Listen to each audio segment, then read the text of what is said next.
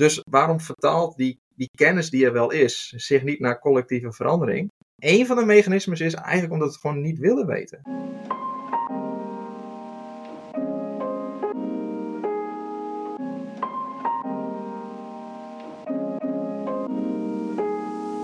Je luistert naar Schitterend Doemscenario, de podcast. Mijn naam is Dennis Storm en voor mijn nieuwe boek probeer ik een antwoord te geven op de vraag: hoe ziet de toekomst van onze manier van leven, onze maatschappij en onze planeet eruit? Voor Schitterend Doemscenario een tal van gesprekken gevoerd met allerlei wetenschappers en experts en ik neem jullie graag mee in deze gesprekken. Want wat is er nou allemaal echt aan de hand? Hoe mooi of juist hoe verschrikkelijk kan onze toekomst er wel of juist niet uit gaan zien? En, niet onbelangrijk, hoe denken de wetenschappers zelf dat het met ons en onze planeet af gaat lopen? Vandaag de eerste aflevering van het gesprek met Jan Willem Bolderdijk, psycholoog en professor marketing en sustainability aan de Universiteit van Amsterdam. Jan Willem eh, Bolderdijk. Nou, volgens mij verschillen wij niet heel veel in leeftijd, dus uh, mag ik gewoon uh, Jan Willem en jij zeggen. Professor of Sustainability and Marketing, Universiteit van Amsterdam. Uh, je wordt er heel mooi geïntroduceerd, uiteraard uh, in het Engels. En ik wil daar eigenlijk mee uh, beginnen, als je het goed vindt. His earlier research showed that social awkwardness could play an important role. Many people are motivated to act more sustainably, but they don't want to be labeled as holier than thou. Is dat dan ook de reden dat het niet opschiet? Omdat we allemaal bang zijn om onze kop boven het maaiveld uit te steken. En dat ja, als je iets zegt, dan moet je eigenlijk ook een beetje bewijzen dat je perfect bent. Wat natuurlijk ja, in realiteit niemand is. Ja, nou, dat is één van de redenen, maar ik denk wel een belangrijke reden die wordt onderschat. Maar ik zal dat een beetje toelichten, van, van wat bedoel ik dan met dat holier than thou. Ja, graag. Nou, het punt is een beetje, op het moment dat je je milieuvriendelijk gedraagt, dan doe je dat vaak vanuit een bepaald principe. Bijvoorbeeld dat je denkt van nou, ik vlieg niet, want het heeft een uh, behoorlijk groot klimaatimpact. Nou, en mensen weten, we weten van mensen vinden het vaak eng om van de normen af te wijken. Maar het is met name eng als je van de norm afwijkt op basis van zo'n moreel principe. Zoals ja, vliegen heeft een, grote milieu-impact. En waarom is dat? Je bent dan niet alleen anders dan de rest, en dat vinden mensen vaak wel eng. Je bent ook nog eens een keer impliciet zeg je tegen andere mensen: Ja, ik vind het eigenlijk niet oké dat jullie wel vliegen. Op het moment dat je doet vanuit een moreel principe, ja, dan is het heel lastig om daarmee niet onbedoeld ook anderen het gevoel te geven: Ja, ik vind eigenlijk ook dat jij dat niet zou moeten doen. Nou, en wat uit mijn onderzoek komt, is enerzijds mensen hebben wel die associatie bij duurzaam gedrag. Ja, dat kan ook betekenen dat er een soort moreel oordeel aan vastzit.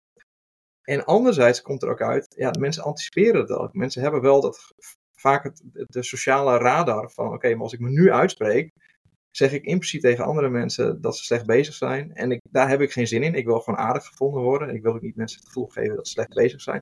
Dus ja, dan, dan soms is het makkelijker om dan maar gewoon niks te zeggen wanneer het gaat over, ja, wat gaan we doen uh, deze winter? Vliegen we naar Mallorca of niet? Snijdt het mes wat dat betreft aan twee kanten? Want aan de ene kant komt er dus uit jouw onderzoek voort dat, en daar kan ik me heel goed uh, in vinden, dat mensen het eigenlijk helemaal niet leuk vinden om het gevoel te hebben perfect te moeten zijn, terwijl ze wel wat willen doen. Aan de andere kant is het natuurlijk ook zo vanuit de ontvangende partij dat inderdaad, als jij iemand hoort, een vriend van je, die ineens zegt van eh, nou, ik ga liever niet mee naar Mallorca, want ik, uh, ik voel me eigenlijk niet zo uh, prettig bij zo'n korte afstandsvlucht voor 33,50. Ja, dan gaat de cognitieve dissonantie natuurlijk aan, dan voel je je aangevallen. Ja, ja, en dat, dat is precies de vraag van, van waar komt nou dat gevoel vandaan dat iemand anders op jou neerkijkt op het moment dat hij vanuit milieuvriendelijke gedraging iets doet wat jij niet doet. Is dat echt zo dat die persoon echt op jou neerkijkt en dat je daardoor geïrriteerd raakt? Of zit het misschien meer bij de ontvanger? De ontvanger ont ervaart cognitieve dissonantie, dus met andere woorden, ja, die, die heeft misschien wel dezelfde milieuvriendelijke principes, maar die gaat vervolgens wel vliegen. Ja, dan roept dat ongemak op cognitieve dissonantie. En bij cognitieve dissonantie, ja, dan gaan we op zoek naar manieren om van die cognitieve dissonantie af te komen. Nou, en een van de manieren kan zijn shooting the messenger. Dus met andere woorden, ja, die andere persoon die, die, die uh, weigert om te vliegen, ja, die kijkt op mij neer, dus die hoef ik niet heel serieus te nemen. Dus eigenlijk dat je een soort van uh, een beeld projecteert op die ander, zodat je die ander niet meer serieus hoeft te nemen. Ja, maar ik dus denk trouwens dat het beide kanten op gaat hoor. Dat er wel degelijk een soort van gevoel van superioriteit in zit. Maar dat, het, dat, dat dat ook heel erg wordt uitvergroot en aangegrepen, omdat je daarmee eigenlijk die ander niet meer serieus hoeft te nemen. Wat een. ja, en daarom vind ik dit dus. Ik heb heel erg zin in dit gesprek. Ik vind het ontzettend leuk onderwerp, omdat ik. los van alle harde wetenschap, denk ik dat in dit soort zaken ligt de sleutel. En daar hebben we het eigenlijk veel te weinig over vanuit alle hoeken en standen is er wel eh, enig begrip te vinden. Dus ik snap dat mensen zich aangevallen voelen. Ik begrijp ook dat mensen die bij wijze van spreken het groene licht hebben gezien, denken van ja, maar goed, ik heb nu wel een beetje de wijsheid in pracht. Dus jongens, vliegen is ook echt niet goed. Nou, et cetera, et cetera, et cetera.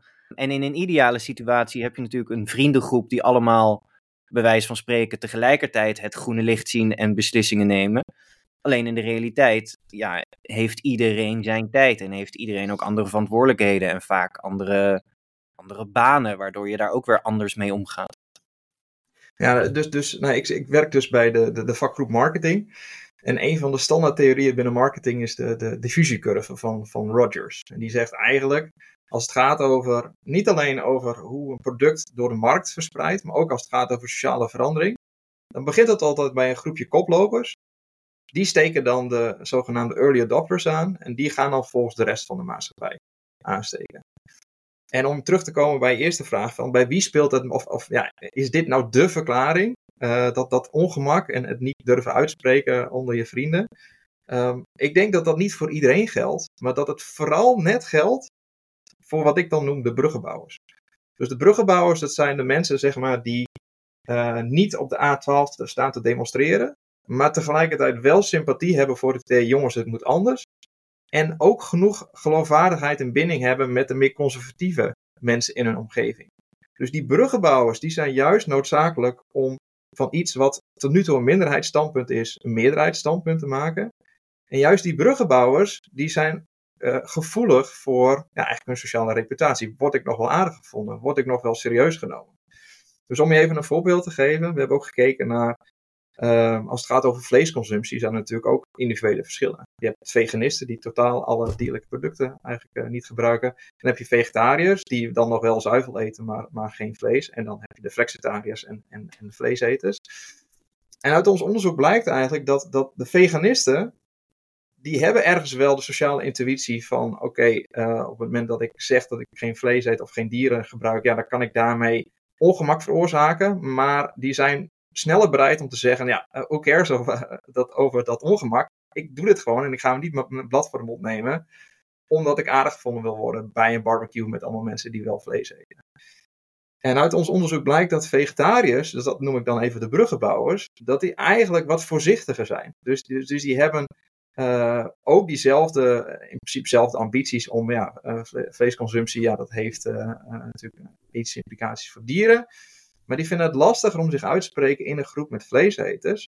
Denk ik omdat die sterker die motivatie hebben van ja, maar ik wil niet worden gezien als het heilige boontje of het moraalridder of de persoon die andere mensen het gevoel geven jullie zijn slecht bezig.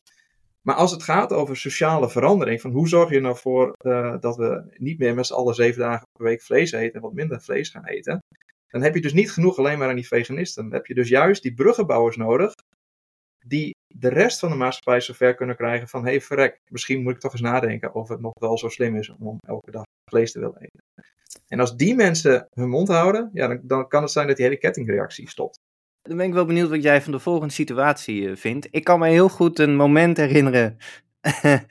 een, uh, het is een aantal jaar geleden. En het was binnen, um, binnen mijn familie.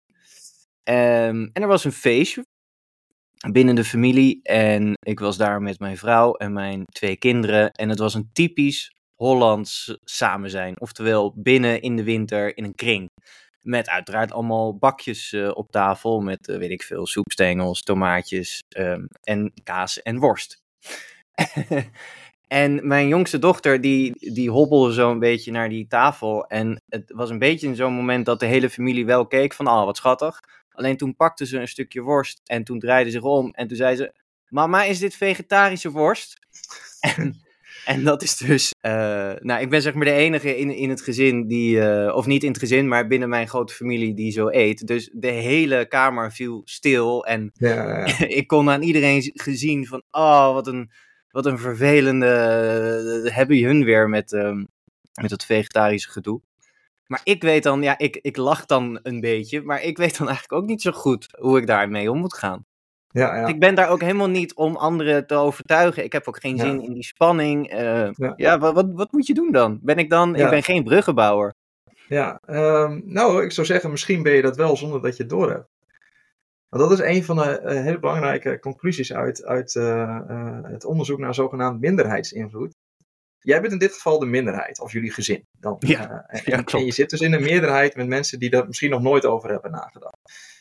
Ehm, en we weten uit allerlei onderzoek dat, dat, ehm, eh, dat, dat minderheden vaak wel degelijk het zaadje voor twijfel en verandering kunnen planten bij andere mensen. Maar het effect daarvan zie je niet meteen. Wat je wel direct ziet is misschien het ongemak of het gegniffel of het schouder ophalen of misschien, eh, weet ik veel, een, een oom die, die, die zijn hele lang, leven lang een worst eet en misschien in, pro- in protest komt van hoezo, eh, eh, waarom hebben we überhaupt vegetarische worst? Dat kan me voorstellen. Dus dat als je het dan hebt over de diffusiecurve van Rogers, dat zijn echt de laggers. Dat zijn de mensen die helemaal aan het einde van de sociale verandering zitten. Maar er zit vaak een hele grote middengroep die je niet hoort. En dan is het dus de vraag van, ja, wat heeft jou, jou of wat heeft die, die opmerking van je dochter bewerkstelligd? De grootste kans is wellicht, nou niet zo heel veel, want gedragsverandering dat, dat duurt heel erg lang. En zeker als, het al, als je al decennia lang borst eet, ja, stop je daar niet in één keer mee. En tegelijkertijd werd ook uit onderzoek, eh, dat heet zogenaamd complex contagion, als je uit meerdere hoeken uit je sociale omgeving hetzelfde verhaal hoort, dan gaat op een gegeven moment zo'n verhaal wel degelijk, blijft het toch hangen in je hoofd en denk je, oh frek, misschien moet ik er toch eens een keer over nadenken. Of misschien dat je de volgende keer naar de supermarkt gaat, dat je normaal gesproken denkt bij de vegetarische worst, zou ik überhaupt niet over nadenken. Hé, hey, wacht even, ik zag mijn nichtje, die vroeg dan laatst op het feestje, dus laat ik het, laat eens een keer proberen. En het punt is dus dat, dat die minderheden vaak meer invloed hebben op het gedra- gedrag van meerderheden. Maar je hebt de neiging om dat te onderschatten. En waarom? Omdat het ook niet cool is en sociaal wenselijk is om eigenlijk publiekelijk te zeggen: Ah jongens, eh, ik heb al decennia lang worst gegeten, ik heb het licht gezien, ik stop er in één keer mee. Wat daarmee is, zet je natuurlijk ook de rest van de groep te kakken. Dus wat ik eigenlijk wil zeggen is: ja, het, ongemak, dat, ik, ik kan me heel goed het ongemak voorstellen van, van, van die situatie. Maar juist in dat ongemak zit mogelijk ook eh, eh, ja, een, kans op verandering. Ja, dus eh, ik had het er met ehm, eh, Sarah Wortelboer en Sarah Helmink over van klimaatpsychologie. over ditzelfde onderwerp. En dan waarom zijn mensen toch zo vaak stil aan, aan zo'n familietafel? Eh, nou, dat is vaak omdat er één beetje eh, stereotype, hè, maar boze, boze oom met een grote mond, ehm, die, die het weglacht of zo, als jij begint over welke natuurzaken dan ook. Eh, waardoor wij het niet doen. Maar wat we dus eigenlijk vergeten, is dat, oké, er is misschien een klein beetje frictie als je zo'n opmerking maakt, of als je gewoon heel helder uitlegt waarom je tegenwoordig bepaalde zaken anders doet, dan is er misschien een beetje frictie met die bewuste stereotype botte oom.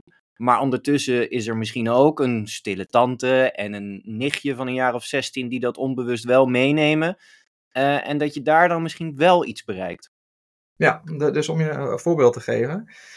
Dat klassieke onderzoek eh, naar die minderheidsinvloed is uitgevoerd al in de jaren 60 door, door een man die heet Moscovici. En, en die heeft eigenlijk eh, relatief weinig aandacht gekregen. In ieder geval, dat is niet een sociaal psycholoog die we, die, die we kennen. Bijvoorbeeld eh, Ash, dat is, die heeft dat onderzoek destijds gedaan met die, met die lijnen. En dan ging een meerderheid van de deelnemers ging dan de verkeerde lijn aanwijzen. En dan is de vraag, wat doe jij als minderheidslid? En daarvan kennen we het principe conformiteit. Dus we conformeren ons aan wat de meerderheid doet. Ja. Nou, en, en dat is het onderzoek van Ash. En dat is ook wel doorgecijpeld in, in het, het, eh, eh, zeg maar collectieve bewustzijn. Maar er was ook een andere onderzoekslijn van Moscovici. Die zegt, maar minderheden hebben ook invloed. En hoe heeft hij dat getest? En ik denk dat daar een parallel zit met, jou, met, zeg maar, met, met jouw dochter die dan zegt van, hey, eh, is dit een vegetarische worst? Ehm, wat ze hebben gedaan destijds in dat onderzoek is, deelnemers moesten steeds van ehm, een, tegeltje dat werd geprojecteerd, eigenlijk zeggen, jongens, is dit tegeltje groen of is het blauw? Nou, nogal, tenzij je kleurenblind bent, is dat niet een heel ingewikkelde taak. En wat er gebeurde in dat experiment, is dat eh, de meeste deelnemers, het was ook echt een, een, een blauw tegeltje. En de meeste deelnemers zeiden van het is blauw. En was er één persoon die zei het is groen. En die persoon, dus dat is eigenlijk dus in dit geval dat, jouw dochter die zegt, ja jongens, eh, is dit, is dit eh, geen vegetarische worst? En wat ze in dat experiment vonden is dat als die persoon die zegt, ja ik zie groen, als die maar consistent herhaalt, ik zie groen, ik zie groen, ik zie groen, ik zie groen, ik zie groen, en wijkt niet één keer af van het standpunt, dan gaat op een gegeven moment toch een gedeelte van de mensen die zeggen blauw, toch nog eens een keer checken van, nou, ben ik nou gek? Alleen dat zeggen ze niet hardop. Dat zie je pas na die tijd. Dus als je volgens een keer privé vraagt van wat voor kleur heb je eigenlijk gezien, hoe zeker ben je dat je die kleur hebt gezien, dan zie je kleine verschuivingen. Maar dat zie je niet publiekelijk op het moment. Dat zie je eigenlijk pas na die tijd. Dus dat zaadje van verandering, wat, wat een minderheid kan planten, dat uitzicht niet meteen in de meerderheid die in één keer van, van mening verandert, maar dat zie, zie je vaak pas na die tijd.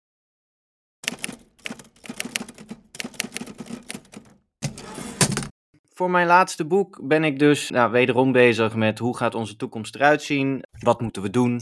Wat zegt de wetenschap? Waarom is de wetenschap niet meer aan het woord? En een van de onderzoeksvragen is de IKEA-gids versus het laatste rapport van het IPCC, AR6. In eerste instantie vind ik het al heel bijzonder dat, dat een van de belangrijkste wetenschappelijke rapporten van, van de moderne geschiedenis amper gelezen wordt. Terwijl iets banaals als de IKEA-gids, dat is een van de meest gelezen boeken op aarde. De meeste wetenschappelijke rapporten, en daar is het AR6 uh, absoluut geen uitzondering op, zijn ontzettend taaie teksten.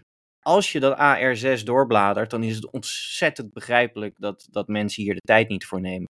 Er zijn maar heel weinig onderzoeken die je, die je leest waarvan je denkt: hé, hey, dit, is, dit is leuk om te lezen, dit is fijn, dit is inspirerend, dit is goed behapbaar. Is er uh, iets te zeggen voor dat de wetenschap zelf misschien ook een keer moet kijken naar: hey, hoe publiceren wij al deze resultaten? Uh, ja, nee. Eén. Um, er, zit, of eigenlijk er zitten misschien meerdere dingen die ik wil afpellen in die vraag. Het eerste is: zit het nou eigenlijk, is het probleem nu dat, zit het probleem eigenlijk bij de zender en niet bij de ontvanger. En dat zijn denk ik twee verschillende dingen. Dus, dus eigenlijk zeg je nu impliciet, ja, het zit bij de zender.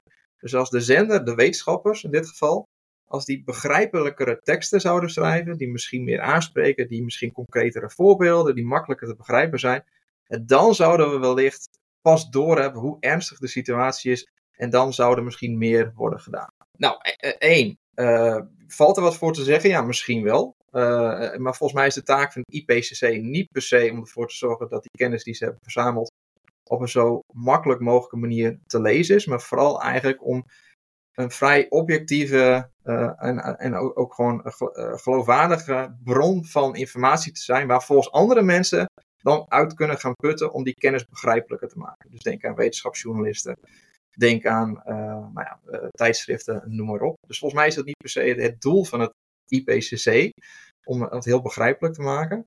Uh, maar dan zou je nog steeds kunnen zeggen, ja, maar er zijn genoeg wetenschapsjournalisten, er zijn genoeg kanalen die die kennis uit die IPCC-rapporten vertalen naar iets wat mensen in ieder geval wel zouden moeten kunnen snappen. Bijvoorbeeld The Guardian is een heel mooi voorbeeld, denk ik, van, van, een, van een krant in Engeland die heel nauwkeurig bijhoudt van wat gebeurt er allemaal en dat een hele simpele termen uitlegt aan, aan, aan een breed publiek. Maar ja, dus, dat, dus, dus aan de kant van de zender, denk ik, uh, valt er veel te doen. Ik vind in brede zin dat wetenschappers ook misschien meer zouden kunnen doen om uit te leggen waarom een onderzoek relevant is. Maar dat is niet voldoende. Uh, het, het, grote probleem, denk ik, zit er niet zozeer aan de kant van de zenders. Dus dat die informatie niet begrijpelijk genoeg is.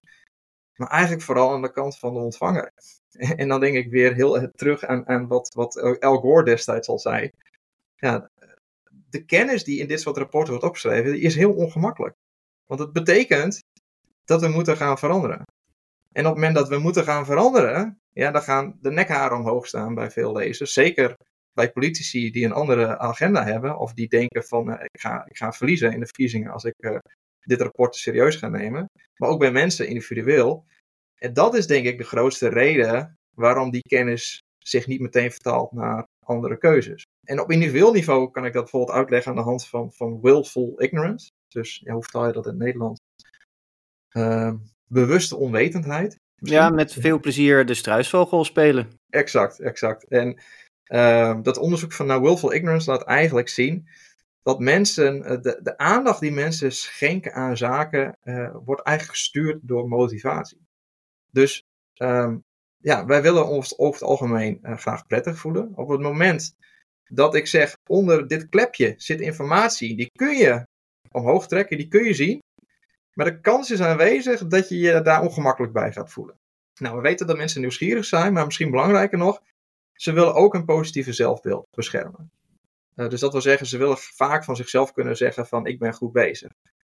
Ja, en als je wil dat je goed bezig bent en tegelijkertijd ergens ook wel anticipeert, ja, maar ik ga misschien straks wel te horen krijgen dat ik helemaal niet zo goed bezig ben. En je kunt ervoor kiezen om het niet te horen. Ja, dan laten heel veel mensen gewoon het klepje uh, dicht. Dan willen ze gewoon die informatie niet zien. Dus waarom vertaalt die, die kennis die er wel is zich niet naar collectieve verandering? Een van de mechanismes is eigenlijk omdat we het gewoon niet willen weten.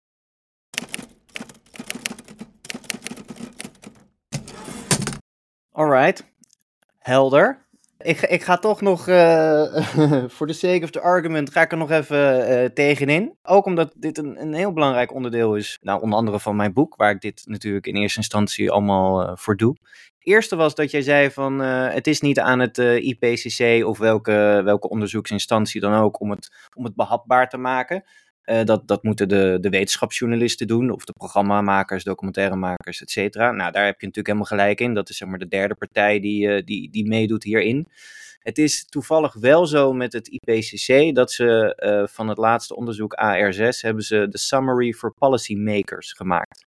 Dus dat vond ik dan wel weer beetje op een treurige manier grappig. Dat voor de, de grootste wereldleiders die teams hebben van wel 100 mensen om dingen te kunnen nalezen, er voor die mensen een, een summary for policymakers hebben gemaakt. Tweede is dat het, de, de vraag is natuurlijk ook, hoe komt het dat die IKEA-gids wel op de deurmat valt en een van de meest belangrijke wetenschappelijke onderzoeken ter wereld niet? Hoe komt dat? Ja, en waarom doen we dat eigenlijk niet? Waarom is dit niet verplichte kost? Toch? Dus dat, dat, is, dat is de ene, enerzijds, ja, de, kant van het verhaal, toch? Nou, je, je bent professor van sustainability en marketing. En het, ik bedoel niet, waarom is het geen verplichte kost? Ik, ik vind wel dat het op school absoluut verplichte kost zou moeten zijn. Mm maar de IKEA-gids of de, de blokkerfolder of weet ik veel wat, is natuurlijk ook geen verplichte kost. En er zijn nu gemeenten die het proberen aan te pakken, maar de, de standaard van de afgelopen twintig jaar was absoluut wel dat het gewoon iedere week op je deurmat valt. En wat je er dan daarna mee doet, dat moet je zelf weten. Uh, ja, ja. Dus dat is nog een soort tussenweg. Ja, ik denk dat dat meer een vraag is aan, aan politici. Uh, van in hoeverre uh, willen wij investeren? Want het kost natuurlijk gewoon geld om, om dat te regelen. Dat, dat we dit iedereen eigenlijk onder de neus drukken. Ja, en als je dat tegenover IKEA zegt, die geld kan verdienen natuurlijk door die IKEA-gids gewoon overal naar binnen te drukken. Er zit natuurlijk gewoon een grote incentive achter. Uh, de, voor, voor de IKEA is die incentive heel duidelijk. Namelijk, we kunnen uiteindelijk meer, wat zijn het, de Billies en noem maar op verkopen. Ja, als we, als we Billy die, Bob boekenkast. Ja, als we, als we meer van die uh, folders drukken. Tenminste, dat is de aanname. Hè? Dus interessant. Ja. Dus de, wetenschappelijk gezien best wel een vraag of in hoeverre promoties echt leiden tot mee, meer verkopen. Uh, maar daar zit natuurlijk heel duidelijk een commercieel belang. Um, ja, en bij het IPCC-rapport is dat belang natuurlijk niet. Ja, dat is, dat is er wel, maar niet zozeer commercieel, meer op de lange termijn. Uh, dus, dat, dus dat lijkt mij in ieder geval één van de verklaringen. daarnaast zou je nog steeds de vraag kunnen stellen: uh, ook, al is er een, een, policy summary, dan nog steeds denk ik dat het voor de meeste mensen uh, nog hele zware kost is. En, en, dat je er ook niet zoveel mee opschiet. Nee, uh, maar, nee. maar ik denk wel dat je natuurlijk in brede zin als overheid, en dat is misschien meer de vraag, in hoeverre moet je urgentie communiceren? En, en waarom wordt dat nog relatief zo weinig gedaan?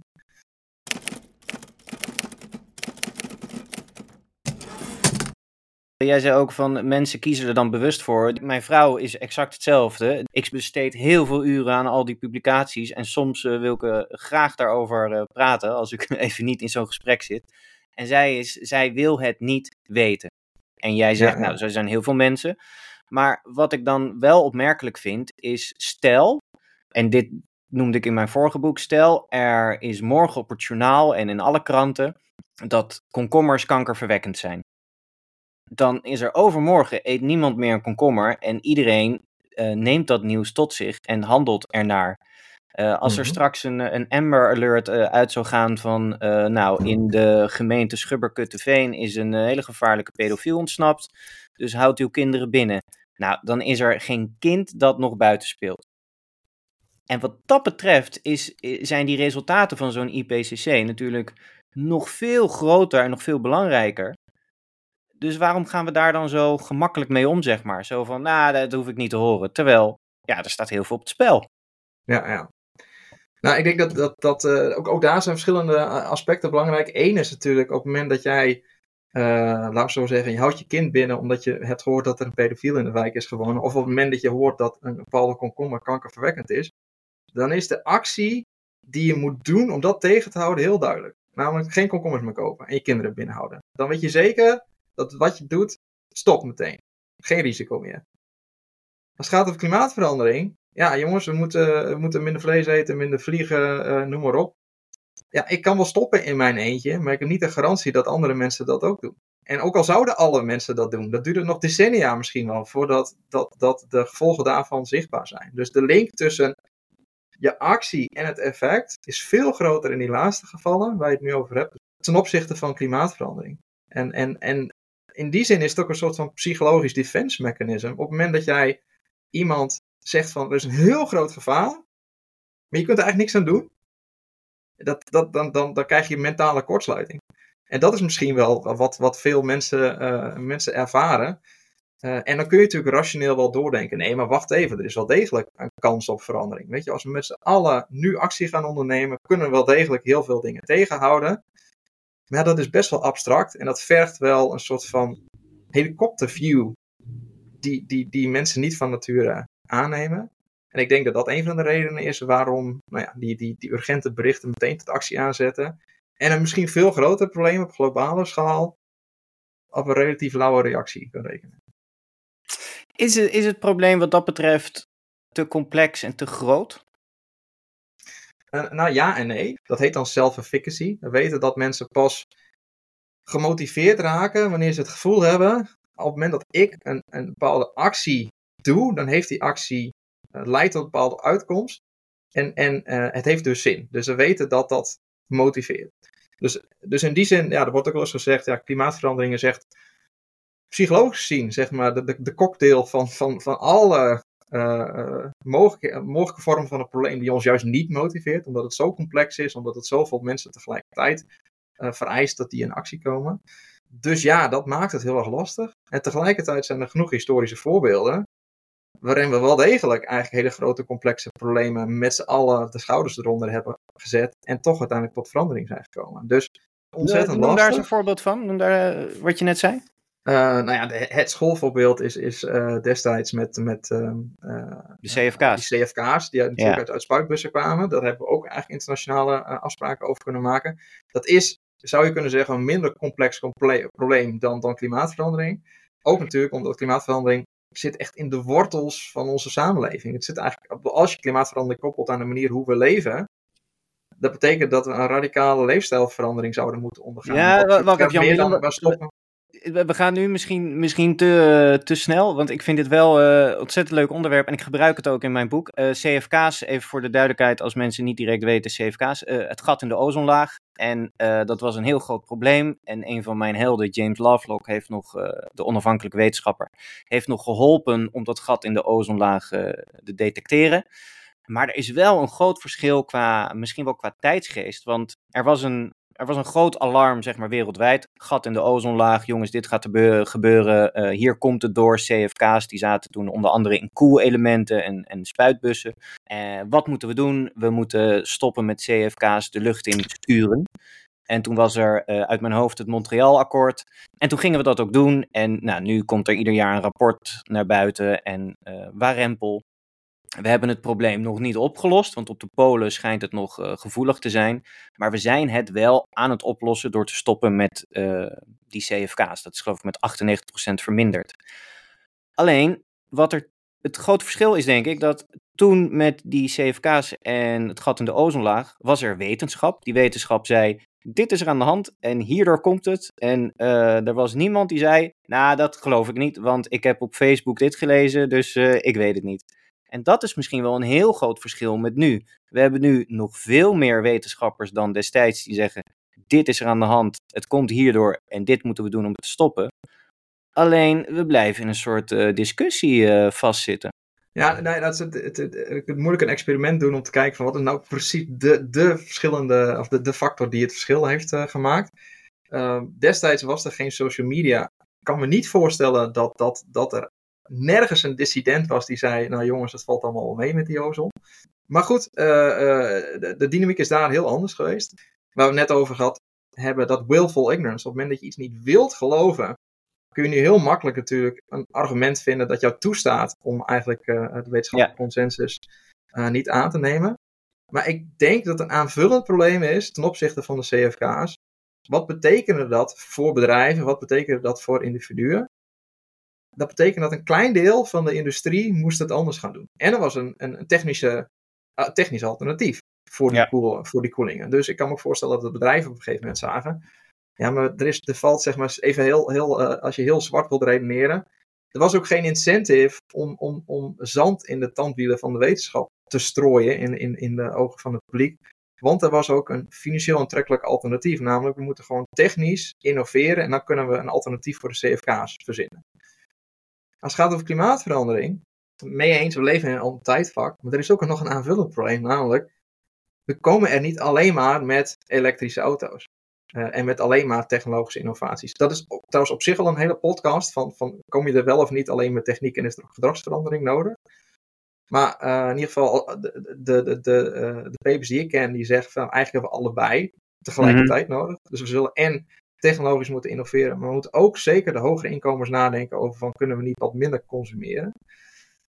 Ja, en uiteindelijk is dat een extra horde, een extra prijs wellicht die we moeten betalen als maatschappij, die het nog weer aanvullend moeilijk maakt om klimaatverandering echt bij de wortel aan te pakken. Want het is niet alleen maar, het vereist niet alleen een nieuwe technologie, maar het vereist een fundamentele gedragsaanpassing. En dat is een stuk lastiger dan uh, een andere koelingstechnologie. Nee, precies. Want met die CFK's, de, het volk, uh, even simpel gezegd, hoeft in principe niets te doen. Die, ja. ja.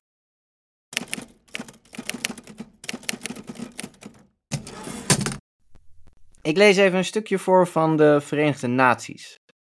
Mm Ondanks de toegenomen klimaatambitie en net zero verplichtingen zijn regeringen nog steeds van plan om in 2030 meer dan een dubbele van de hoeveelheid energie uit fossiele brandstoffen te produceren dan de hoeveelheid die de opwarming van de aarde zou beperken tot het niveau van de overeenkomst van Parijs. Anderhalve graden. Uh, het onderzoek laat zien dat de toekomstplannen van regeringen en de industrie betekenen dat de productie van fossiele brandstoffen in zijn algemeenheid tot aan 2040 niet zullen dalen, maar stijgen. Jan-Willem Bolderdijk. Als ik dat lees, ja, waar, uh, waar, moet ik dan naar kijken om nog een beetje hoop ergens vandaan te halen? Ja, nou, nou ik, als ik mezelf moet kwalificeren, ben ik uh, psycholoog. Dus misschien is dat juist uh, goed zeg maar, om die vraag te beantwoorden. Ja, dat, als je dat, dat beeld zo schetst, ja, dat, dat stemt natuurlijk best wel, best wel treurig. Dus ik, laat eens, ik verlies ook wel eens hoop. en, en, en het idee van, van het komt goed. Dus ik denk ook dat we daar realistisch in moeten zijn. In de zin van, uh, er gebeurt op dit moment veel te weinig. En, en daar is ook echt wel consensus over. Dus de tijd van, ja, maar het valt allemaal wel mee. En het zal nog zo'n tijd wel duren. Ja, dat, dat, volgens mij zijn we nu wel zover dat we, dat de meeste mensen accepteren. Oké, het, is een, het is een groot probleem. Als je op zoek gaat naar, naar graadjes van hoop, kun je denk ik onder, onder andere terugkijken naar, naar eigenlijk naar vroeger. Van hoe, hebben, hoe, zijn, hoe is het vroeger gegaan? En hoe ging het vroeger? En hoe snel kan sociale verandering plaatsvinden? En dat is in ieder geval een van de dingen waar ik zelf hoop uit put. Is dat sociale verandering, als je achteraf kijkt, na een sociale verandering, dus denk aan een soort pietdiscussie en denk aan roken en denk aan gordeldragen, ook een heel goed voorbeeld. Na de sociale verandering kunnen we ons met ons hoofd vaak niet bij dat we daar ooit anders over hebben nagedacht voor die sociale verandering denken we met z'n allen, het gaat toch nooit veranderen, want het is al eeuwen zo hetzelfde geweest. En wat in ieder geval één gemene deler is, dat sociale verandering vaak veel sneller gaat dan mensen zelf denken. En dat heeft ermee te maken dat als verandering eenmaal op gang komt, kan het zichzelf gaan versnellen. Een beetje net zo eigenlijk als een sneeuwbal die je van een heuvel afduwt. Op het moment dat je eenmaal een zogenaamde kritieke massa hebt, binnen no time kan zo'n sneeuwbal heel groot worden. Nou, misschien een andere parallel is met met, met hoe virussen verspreiden. Dat gaat ook non-lineair. Dus dat betekent dat je heel snel hele grote spreiding kunt krijgen. Nou, dat is in ieder geval zelf een van de dingen waar ik hoop uit put. Als het gaat over sociale verandering, dan gaat dat vaak veel sneller dan we zelf doorhebben. Maar de vraag is nog steeds, gaat het snel genoeg? En, en als ik dan dit soort cijfers hoor, die jij net, net oplepelt, ja, dat, dat is, in maakt me wel extra bezorgd van gaat het snel genoeg? Ehm, en ook als het minder snel gaat, waar komen we dan uiteindelijk uit? Maar in ieder geval, ja, als ik een stohan van hoop moet geven, dan zou ik zeggen: kijk naar de literatuur over sociale verandering. En, en daar is eigenlijk de conclusie steeds: het kan heel snel, als we maar eenmaal op dat kritieke punt komen. Tot zover de eerste aflevering met Jan-Willem Bolderdijk. Misschien heb jij wel behoefte aan meer gesprekken. In dat geval vraag ik je vriendelijk deze podcast te steunen via petjeaf.com slash Dit was Schitterend Doemscenario de podcast. Bedankt voor het luisteren en tot de volgende.